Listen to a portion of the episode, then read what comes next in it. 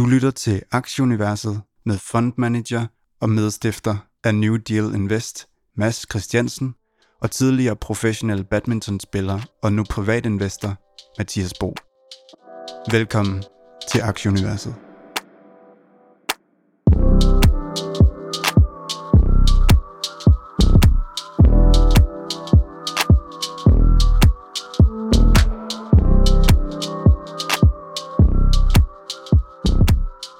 So, um, Ming Zhao, welcome to um, to our podcast. Thanks a lot for joining us. Thanks for having me. Yeah, it's it's really great. I've uh, sort of just discovered you on on Twitter. You make these amazing long threads that that are really enlightening for for me. Uh, you know, I'm a doctor, and Mathias is a badminton player, so um, I was kind of thinking who was having the hardest task here today because um, because we, we have to try to understand what you try to explain us, and uh, but I think you probably has the hardest task because you're going to try to explain uh, to Mathias and I what what's going on in China right now. Um, but could you start by telling uh, a little bit about yourself? Um, what your background is for making these amazing threads on on economy. I think on your LinkedIn profile, you it says you teach finance on Twitter. I think that's pretty bold. yeah, sure. Uh, so first of all, thanks for having me. A um, little background on me. So I kind of uh, funny that you say you're a doctor because my parents are doctors. I grew up kind of pre med going into school, and um, at some point, uh, I kind of just kind of just decided to switch and kind of like try out this finance thing at the time. It was um, it was like I went to Columbia, so like everyone did finance, and you know like I was like the the biggest sheep of them all. So I was kind of like you know everyone's doing it, so I'm going to do it too. Um, so I ended up working at a hedge fund uh, called Point Seventy Two. Uh, so uh, it was it was a very interesting place, um, pretty fun. I learned a lot. Um, a lot of what I teach now are you know things that I learned, uh, you know, while getting ready for interviews, doing banking, um, you know, joining the hedge fund, etc. And um, and then after that, uh, I at the at the time we were doing something in quantamentals, so kind of the marriage between quant or like kind of like computer science driven investing and uh, fundamental value investing, which is kind of like what Warren Buffett kind of espouses in um, in you know looking at the cash flows of a company, looking at what they're doing, like whether their profits are sustainable, et cetera. Um, and so at the time, we were kind of using uh, data, and it was like all the hedge funds across the street were kind of trying to do this um, using data to help make better uh, informed decisions at predicting, uh, you know, fundamental uh, values. So uh, from there, I um, I got super interested in cybersecurity from like a shorting po- point of view, and um, I was also kind of just getting onto the the hype train for tech and wanted to build something on my own so came out to silicon valley and uh, since then, I've been pretty much hopping around between different startups. Um, first, uh, went joined a cybersecurity company called Darktrace. At the time, they were hardly a startup. Um, IPO'd in London about like a year ago, um, and then uh, started my own company uh, in cyber insurance. Um, COVID hit. Uh, everyone was trading. All my friends were trading. Suddenly, it felt like, uh, you know, this was an, a just a new regime, like a new era um, in in consumer finance, and uh, that got me really excited because it was kind of where my background was. Um, I still traded on my on my own on the side, and um, and then suddenly like I was kind of the expert among my friend group, and so I kind of just took that thread and wanted to you know extend it and make it like a bigger part of my identity um, since this was a passion of mine and hence started going on twitter and making threads uh, to kind of spread the knowledge and answer like my my friends questions which seemed like maybe the rest of the world also had the same questions. And um, and so uh, and also it's to kind of understand um, other traders. Uh, so currently uh, i'm a founder I'm building a platform for uh, retail traders Um, and we're currently in stealth, so can't say too much about that, but uh, we're anticipating a launch in the early 2022 uh, Q1 that's super super interesting and uh, talk of the town currently is evergrande in uh, in china uh, and that is as mass uh, just said before what what we're going to talk about today but can you just enlighten us? What is the problem yeah certainly so the problem is uh, really it comes down to debt um, and uh, the theme is you know when you're a company and you need to grow um, let's say you're a property company, so you build, you buy up land, you build houses, um, you need a lot of capital expenditure. Um, and how are you going to get that uh, when you know at the beginning you're going to have very little, and it's kind of like a chicken and egg problem. Like how do you get the money to build the next house or buy the next piece of land? And so that's where debt comes in. But and debt is you know obviously it's it's fine in and of itself until it gets to a certain point where um, it's too much to handle so what happened to uh, Evergrande was it was a property development company. Um, China for uh, you know in the you know to like 10 years ago um, in order to kind of bolster the economy had uh, very very loose um, you know uh, credit policies and uh, that enabled evergrande and a lot of other financial institutions to basically become so over levered that the amount of debt they were holding on their balance sheet exceeded um, their assets. And when that happens, like let's say you you you know you have a fire sale, you, you can't even pay down your debt holders. Um, and so uh, there's you know obviously that that's kind of bankruptcy territory. Um, but even before then, signs of weaknesses will show because um, they'll be unable to pay down their interest. So what that means is the way you know fixed income or debt being part of fixed income works is um, unlike equity uh, which doesn't require like periodic payments back to the investors um, bonds usually require like quarterly payments um, and of interest. And when those payments are missed um, that's basically what we call like a, a default. And then, you know, when there's a default, we need to have some sort of restructuring, um, which is to say, like, let's say interest payments are due on uh, for for Evergrande, they're due Thursday. Um, there's actually two bonds, but you know, we'll get to that later. But for simplicity's sake, let's say like they miss um, one of their payments. What's going to happen is uh, they can get an extension. Usually, it's like 30 days. Um, if they miss that, it's called a default. Um, and then if uh, you know, if they then can't scrap together the capital to to pay that down in 30 days, then they'll uh, they'll have to restructure, and which means basically turn their short-term bond let's say it's due in a year and they say we can't pay back you know in a year. Um, we're going to exchange this for like a five-year bond. So that gives us four more years to scrap together you know the capital to pay that down. Um, obviously it'll be at a higher interest rate. Um, so you can see how this becomes a snowball if you keep doing this. And how big is that snowball? There's been some rumors about uh, a certain percentage of of uh, Chinese GDP for for Evergrande, but but if you take all the these sort of companies that are threatened by default, how how big is the snowball at the moment? Yeah, the scariest part is that we don't know, um, and that's because you know a lot of the financial numbers that are reported are uh, of you know are, are not exactly trustworthy or um, or at least you know from standing from you know either Europe or uh, like US we we don't really know how they're audited and um, and then even more so than just financial reporting um, like Evergrande had these wealth management products that they were selling to their own employees. They were basically loans. They were getting loans from their own employees um, in lieu of debt, or, or, sorry, in lieu of salary, which um, is mind blowing.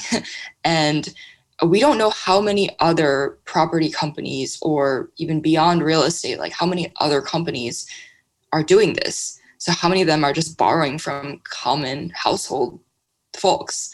Um, and so, in terms of magnitude, uh, you know, purportedly, uh, Evergrande has 2 trillion yuan of liabilities, which translates into about 300 billion US dollars um, in liabilities. And of those liabilities right now, um, you can see this on their annual report, uh, about 700 billion of those are, uh, you know, combination of short-term debt and long-term debt. Um, so that translates into a, about 100 billion USD. That's um, a lot. Can you can you sort of? Um, I'm I'm I'm a doctor, and Mathias is a badminton player, so it's it's a lot of money. So how how can you can you sort of can you can you help explain the numbers in any way? Sort of compare it to something. Um, it's it's definitely a lot. Like the amount that's, I mean, kind of every day, like the amount of money that gets printed is so much. So I, I feel like the the relative comparison kind of changes over time. Um, but uh, let's just say they have, you know, more debt than they have assets, um, or sorry, more liabilities than they have assets. Um, so if you consider how many assets they have, that's um, like add up all of the land that they own, all of the houses uh, or apartment complexes that they built on top of um, in, you know, like Shenzhen, Beijing, like everywhere. Um, like that, like those assets, let's just say it was one to one, like that gives you an idea of the scope of their liabilities. Yeah, cool. So, um, so how how did all this unfold? Uh, what happened? When did it become clear there was a problem? And sort of, yeah. Yeah, so uh, around last year um, in 2020, um, around like August, uh, basically China threw down something called the three red lines. And the uh, three red lines are basically like three constraints on um, on enterprises operating within uh, within within the borders to try to like keep down or try to keep down their debt but mostly it, the greater goal is to promote stability in the uh, in the economic system. And so you know a couple things that china wanted to do uh, one they wanted to control the housing prices um, two they wanted to manage land markets uh, three they wanted to ration credit and um, they basically wanted like less volatility, less cyclicality, um, and they were basically just trying to avoid kind of like a systemic meltdown. Um, so basically, what are these th- three red lines? Um, one of them is the liability to asset ratio. Um, they, they, the Chinese government said keep this to under seventy percent. Um, so kind of the uh, if you take any like intro finance course, they say the one important equation that you have to remember is assets equals liabilities plus equity, right? Um, so a, a, ratio of 70% basically means, um, you know, 70%, 100%, let's say you assume you have one unit of assets.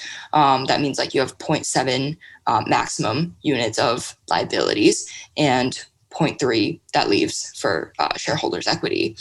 Um, so, uh, and then the second one is uh, net gearing ratio of less than 100%. And net gearing ratio basically means uh, your debt to shareholders' equity. So, kind of like along the same lines. Um, there's kind of a slight distinction, which I can get into in more detail, between liabilities and debt. Um, but for now, the third red line is uh, cash to short term debt needs to be uh, greater than 1x. So um, let's just talk about the third one first. So uh, cash to short-term debt. Uh, that basically, like short-term debt, is defined. It's debt that's due within one year.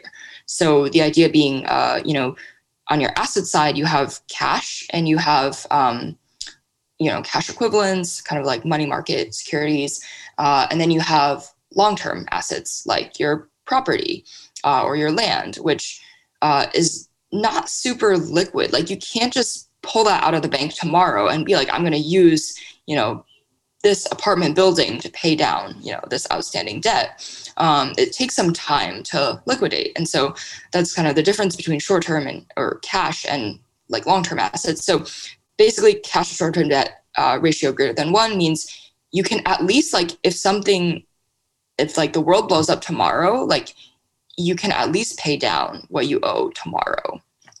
Um, and so that's kind of the th- three red lines. Uh, the significance was that a lot of companies in real estate, in uh, like other smaller like local banks throughout China, um, a lot of them did not meet these three red lines. Um, oftentimes, they met, you know, either one or two of them. On like s- some rare occasion, they crossed all three, and Evergrande is one of those cases where they kind of just cross all for, three. But but for me, it, it these three rules they sound like quite understandable. Like it's it's fair that it's there's yeah. somewhat control over these things, so it's not like going haywire as uh, as it's maybe this entire business is about that the the construction yeah. and uh, real estate business seems like some isn't it isn't it fair rule is it just on the wrong Absolutely. time it, it's t- what so is it just on the wrong timing or should have come earlier or or how should it according to you I know it's a little bit uh, maybe a difficult question but but yeah is it just it's just caught by surprise that this uh, this has happened yeah. Um, so it was. I mean, these are definitely very fair. They're not at all draconian. Like, like, hello, you should have more cash than debt. Like, it just makes yeah. sense. um, like a ratio of one is not very strict. Um, and it, it's kind of on timing. Like, why why September 2020? Um, I think a lot of it has to do with. Let's go back to the 2008 crisis um, global crisis, the way that the U.S. dealt with it was, you know, printing a lot of money, um, increasing M1, M2 supply, and the way that uh, the Chinese government dealt with it is fairly similar, even though that kind of went under the radar. And uh, I would say to a certain extent, it's still kind of under the radar. Like a lot of, um, you know, Americans and Europeans don't really aren't really aware of you know how much money printing and bailouts uh, like China has done since 2008. And um, I think a lot of it, uh, you know, why didn't they impose these conditions sooner? Um, a lot of it was like they had to bolster uh, the real estate uh, sector. Um, they had to bolster construction. Um, and uh, you know why that, did they have to do that? What, what's the reason for that? Why um, would they have uh, quenched uh, or crushed the um, sort of the the economic growth or why did they have to yeah. to let it run?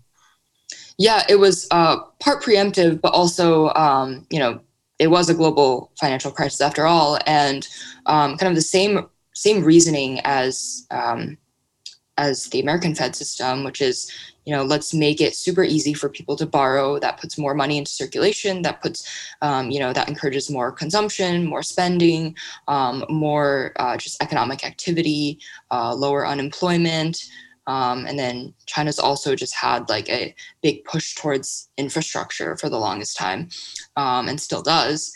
And um, you know china wants to become the number one you know country in the world. And uh, in order to uh, they just they need to bolster that growth and they need more people like living in cities more people um, like the demand is there. They need to build um, they need better infrastructure. They need more capital. They need more cash supply for that. And so um, it's just been pretty loose monetary policy um, for the last decade i would say. And um, and then obviously companies took advantage of that um, in the private sector, and Evergrande being being one of them, being a pretty egregious example.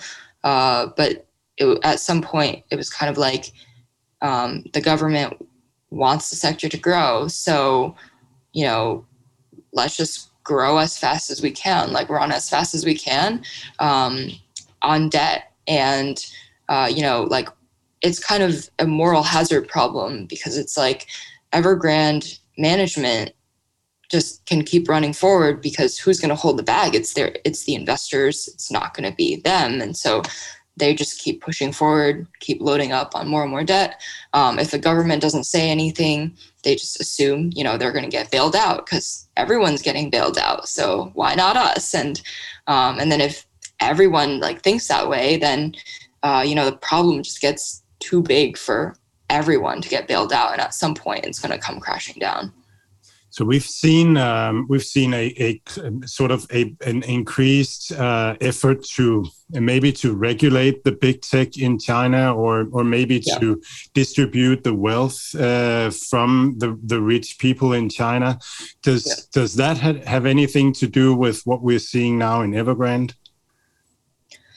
Yeah, um, definitely. I would say one uh, common thread seems to be like nationalization. Um, and by that, I mean, like, let's go back to, you know, the, the ed tech, um, you know, what happened with ed tech in China, uh, which is basically uh, China said, okay, ed tech's getting too bloated.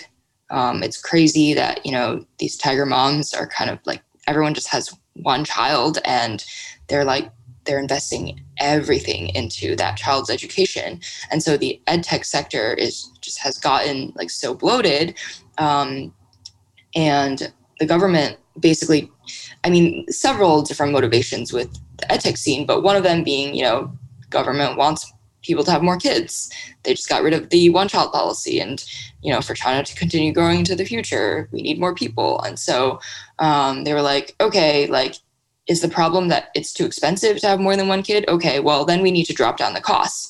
And where's all the cost going today? It's in ed- education. So let's let's make tech companies like forbidden from being for profit. So now we're going to make everyone nonprofit. Um, therefore, like that should theoretically, um, you know, uh, lower the cost of raising a kid, um, or so that has been the uh, the dominant narrative. Um, but then at the same time, uh, you know, they said you're not allowed to take any foreign investment. Um, and I think that was one thing that I don't know if like maybe was overlooked res- with respect to you know the, the bigger deal, which was that you know no one could be no one in education could be for profit anymore. Um, but now back to kind of like Evergrande, um, that nationalization theme is definitely still there. Uh, like last last night, um, or actually you guys are in a different time zone, but let's just say maybe like like uh, 12 to 15 hours ago, um, news came out that you know they China said we're gonna or Evergrande said we're gonna pay back um, you know through our Hongda division we're gonna pay back the uh, the Shenzhen uh, interest, um, but they said nothing uh, so far about uh, paying back their offshore bonds. So, um, kind of that goes hand in hand with the theme of, you know, nationalization, trying to kick out foreign investors, um, literally like letting foreign investors probably like letting that default, but keeping like bailing out the onshore bonds.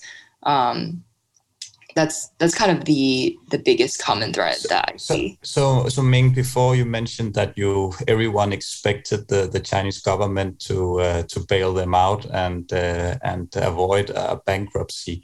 However, I also read somewhere that uh, they maybe want to make a statement with this because, as we talked about in the beginning, that this might only be the top of the iceberg, right? And these things yeah. need to be low, uh, be be be dealt with. Um, in case uh, Evergrande is is going bankrupt, with the kind of assets they still have, who gets paid first and last? So we yeah. talked about that. We know that some of the the bigger European investors also have money stuck there. I saw UBS, for instance, they have uh, they have some loans there and all. So how does how how is this divided, or do we have any idea how this is going to be unfolded? Yeah. So typically, um, you know, let's throw aside any like fishy sort of activity and in a normal situation, you uh, you have kind of a debt waterfall. Uh, so it's basically a seniority ranking. Who goes gets paid first, then after that, then after that. Um, so at the top of the chain is generally like securitized uh, bonds. So what that means is um, the the borrowed funds are directly collateralized by um, some asset. Uh, it could be like accounts receivables. Um, in this case, it's uh, it's literally property. Um, and so what happens is, let's say uh, for the securitized bondholders, if you know default happens, they would basically be able to seize those assets. Um, so they're at the top, and then after that, there's um, you know let, us call it like senior unsecured. So unsecured means it's not tied down to receivables or inventory or uh, or property, uh, but it's senior. So typically it means it's like guaranteed by um, either the company or um, some some other third party, um, and they're basically they're next the senior tranche, and then after that there's basically the sub tranche.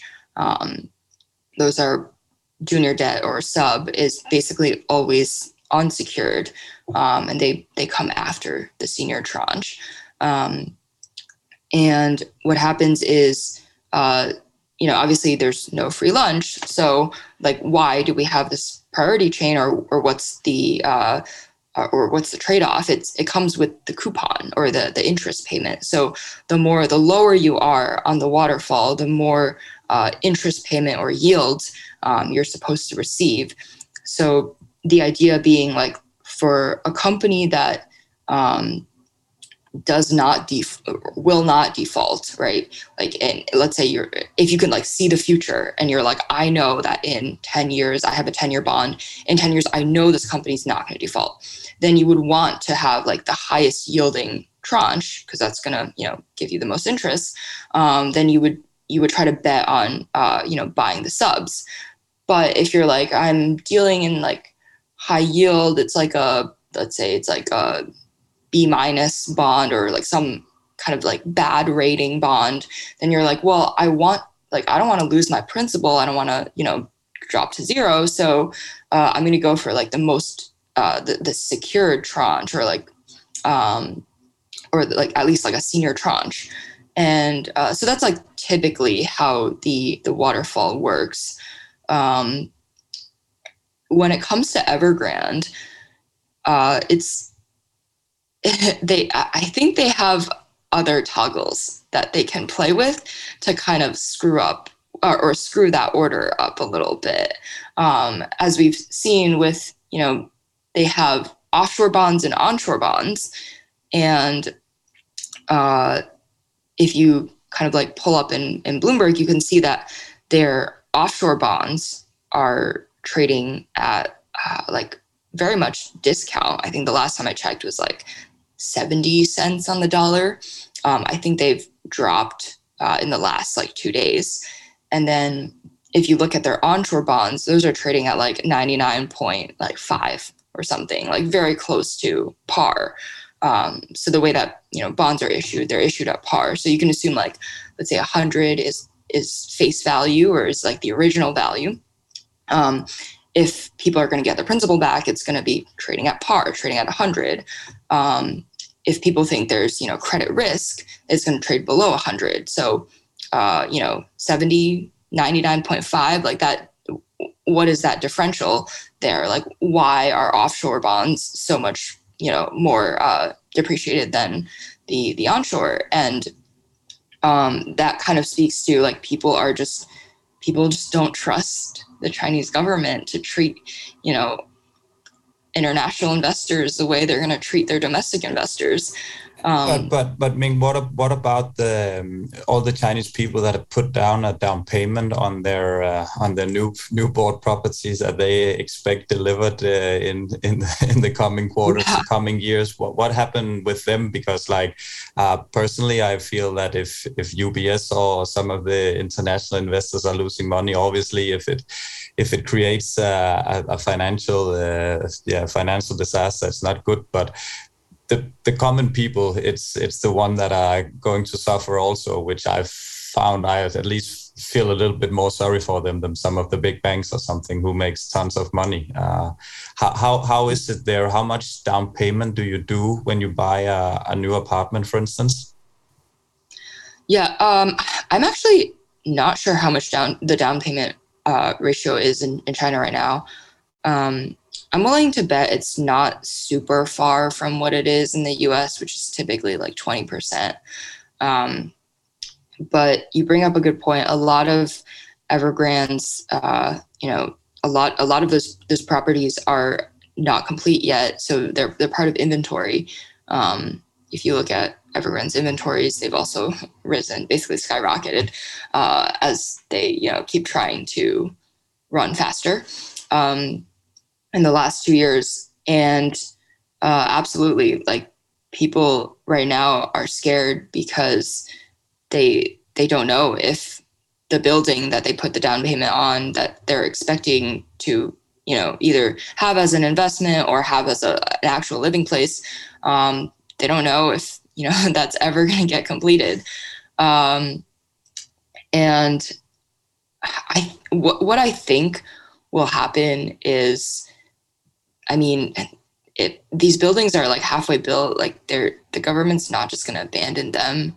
So what's going to happen is you know either bailout happens or fire sale happens someone else is going to take up those projects and complete them um, like obviously uh, you know who's left holding bag um, some some of the creditors current creditors um, I think so, that. So who who who gets um, who who gets money and who doesn't? Uh, so you alluded to that that uh, overseas investors uh, might feel that there is a high risk. So overseas is outside China. Um, and and investors um, inside China might not feel so much of, of a risk. But could you sort of take us uh, through with uh, probably the the the people who made down payment they they're not on the top of the waterfall Mm-hmm. Yeah. Um, I mean, I think that uh, certainly the either way, the government is going to have to print more money to either to facilitate either to buy up the properties in a fire sale or to you know properly bail out. Um, and uh, obviously the the government's just not going to suffer. Um, like I, I, don't really see how like they Xi is like basically president for life. And um it's just the political system is just is not going to let it, the political system has a lot of control and um they're not going to let you know their inner circle uh suffer and um so that basically means you know other people are going to have to suffer for them. Um, I would say a lot of the employees that have been buying into the wealth management products are going to see massive drawdowns on their investments. Um, and uh, and then overseas investors, frankly, they don't make up that much of of the of the stakeholders. Um, I think somewhere around like 18 billion out of the 300 billion. Um, so it's it's a small percentage relative to the stakeholders of Evergrande, but um, but it, it is it is something, right? Um, and especially if the government keeps printing money, um, you know, devalues the currency, um, you know, then the U.S. dollar denominated gets uh, that loss kind of gets uh, amplified. Um, it's it's basically like government is not going to lose. Um, the people that made investments are some, are probably going to hold some of the bag. Overseas investors are probably going to hold some of the bag, um, and and then you know that's the bailout. Like, like obviously a lot of um, a lot of people here in both in US uh, and, and in Europe are really concerned that this can be the new Lehman Brothers crack and and this is what is what is your thoughts about uh, about this? Is this actually possible or or will some sort of uh, yeah uh, good way out of of it if you can talk about that uh, option uh, come on the table? Mm-hmm. yeah i think you know uh, the similarity to to Lehman is that the you know this company that says it's a property company is really basically a shadow bank, um, and a lot of you know state-owned entities banks that are state-owned entities in China um, are probably going to be the ones that are going to bail them out. And what do you mean by it's it's a bank? It's a shadow bank. Could you just explain that? Yeah. So because in part because they were uh, they were offering these like wealth management products, they were taking loans from everybody. Um, they're they're basically a, like a, a, lending company, like a, a financial institution.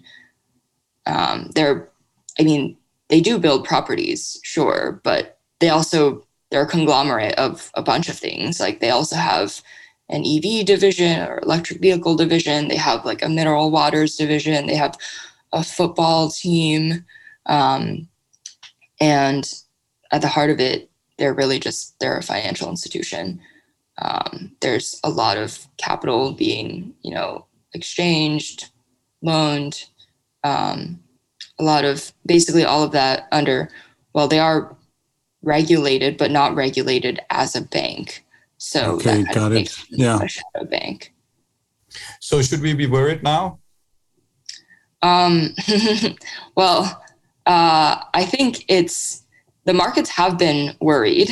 Uh, as you know, you probably saw on Monday, um, it was like iron ore was down like 10% or 20%. Um, steel is down. Copper, I think, was down and rebounded. Um, high yields in general was down. Um, My beloved Bitcoin was down. down. Right. Crypto was down. Um, you know, but at the end of the day, like, I think for it to truly be systemic, it needs to it needs to be it needs to obviously the contagion needs to spread beyond evergrande. It needs to spread into the banking system. Um, you know if these state-owned entities uh, end up you know trying to bail them out and in the process like kind of destroying their own balance sheets and then and then at that point we will have an actual lehman brothers moment. Um, if if you know these the banking system collapses. So I'm I'm I'm maybe this is a stupid question, but it, it makes sense to me that that when when the the U.S. economy um, is hit by something, that's a threat to the world economy because U.S. is a, a consuming nation, but but China is just a a, a, a, a place where you produce things, and I, I think that even if if the crisis hit there, they'll still keep producing things. So, will this uh, actually uh, pose a threat to the to the to the overseas economies? Yeah, I think. Uh, I mean, China is it is a producer, but it, it is also a major investor in a lot of you know sectors and projects internationally, um, from you know Africa to also U.S.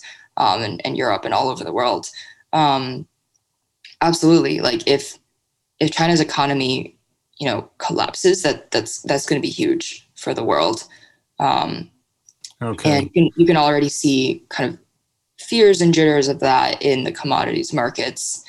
Um, and and then let's just talk production also. Like uh, if you know china is because it's been building infrastructure and has had such a focus on construction for the last decade, it's been a major, major buyer of oil.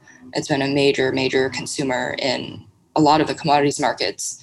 Um, so obviously, if you know if there's a pause or a major slowdown in construction, that's going to be huge for commodities. Cool. So, how do you think this is uh, going to play out? Um, could you sort of uh, come with the, the two, three most likely scenarios from here, and uh, and what the implications will be of those? Yeah. So, uh, number one is you know the government decides to bail them out yet again, um, and in that case, you know it's going to keep printing money yet again, and uh, it'll go you know, maybe it'll go more noticed by the rest of the world this time because there's so many eyes on Evergrande. Um, and naturally, you know, you should be keeping tabs on money supply in China um, if, if you want to know what's actually going on. So basically, you know, money printer go burr, and then uh, banks are going to bail out Evergrande. Um, and then, you know, state owned entities are going to own a bigger chunk of uh, uh, of Evergrande, and therefore it becomes tighter, kind of under the state's control. Um, and then uh, other scenario, really the other major scenario is, you know, government says no, actually we're not going to print money. We're or we're going to still print money, but we're just not going to bail you out. Um, and that's kind of as you described earlier the intention there would be to set an example for the rest of the industry for for other sectors as well. Um, basically saying like hey we're actually serious about these three red lines. Like do not cross them. If you cross them things will happen. Case in point evergrande. Um, versus like the, kind of what pushes the probability in favor of that poss- of, of that variation on the story is um, is you know if if they don't, the, the flip side is if they just bail them out, then it's basically condoning bad behavior, right? And it's just like, yeah. okay, well, you know, keep pricing in like the bailouts because you know, the, like dear markets, please keep pricing this in because we're just going to keep doing it. And we're just going to, it's like a rubber band, right? You like stretch and stretch and stretch. And at some point you can't stretch it anymore. Yeah. Yeah. Um, I have kids. It's, it's totally the same thing. You, you need to draw some lines and, and keep them. So if, if, if they draw a line and, and let uh, Evergrande default, what, what will the implications of that be? Uh, it's going to, well, a lot of fear, even more fear, uh, or at this point in the markets, we're, we're pricing in obviously like some probability of default and some probability of not. And, um, you know, if default happens, then, um, then there's going to be a lot more fear. Um, you know, VIX is going to go up and, uh, or volatility, and um, people are going to get really scared. Uh, a lot of enterprises are, uh, are going to be like, oh, wow, they're taking these things seriously and um, you know we got to delever. And so there's going to be a massive delevering across especially the property sector but also the banking sector. Um, people are going to have to prop up their tier one capital adequacy ratios um, basically hold safer uh, you know safer assets and safer instruments um, on their balance sheet. People are going to have to restructure um, and there's going to be a either an ugly or a beautiful deleveraging. Are you, uh, Ming? What what are you doing as a, as an investor here? Do you have any any things that you like uh, invest in because you can see the possibility of this uh, happening, or are you just like, I don't know what is happening. I'm just sticking to my normal positions uh, and uh, whatever. Uh, yeah, I don't. I don't really invest uh, personally in oh okay. in these ADRs, um, but definitely like I think uh, th- there's there's definitely like a if you if you follow the um, the kind of political arguments, there seems to be a sectoral shift from you know away from construction towards electric vehicles towards everything green in China um, towards like batteries. And so, you know, um, it seems like a general kind of thesis that uh, that I've um, taken into practice in the last, especially year and a half, is um, I don't like going. I don't like to make investments or put on positions going into events. Um, I kind of like to ride out the reflexivity of certain events and um, and I think the uh, the drift towards you know everything green in China is an ongoing shift and not fully priced in, and so it's kind of um, with respect to China, it's kind of like um, like I I, I want to play on the themes that I'm more sure of, and I'm more sure that you know um, batteries are going to go up, so uh, it's more like you know, and you can't really short anyways. So. okay, so, so are there any other themes that naturally this is going to be very important for for sort of the the coming weeks how to see how it unfolds whether um, there is a bailout or not but uh, are there any other themes that you think about uh, for this autumn um, in in in investing um i guess we can talk back to kind of US markets, uh, like Fed tapering is another theme that, you know, people are paying attention to, especially this week. Um, to be honest, I don't have my thoughts fully fleshed out on that. Um, I there's also a bit a lot of uncertainty in you know from a macro perspective what the Fed is what the U.S. Fed is going to do. Um, and then obviously, you know, Delta variant is top of mind for a lot of people as both a consumer, world traveler, and investor. Um, and honestly, my take on on COVID is that uh, whether or not it's real, like governments across the world are going to make it real, and um, just because it's someone is it's it's in a lot of folks' interests to you know to keep dragging this pony around and um, and taking advantage of it. Like you said you're a doctor right? Like have you i'm sure you've you know if you if you've tried to travel i'm sure you've gotten the test in like various places and the test costs an insane amount. They're like $400 they take a stupid pcr test and that's there, there's no way that, like the margins on that are just insane.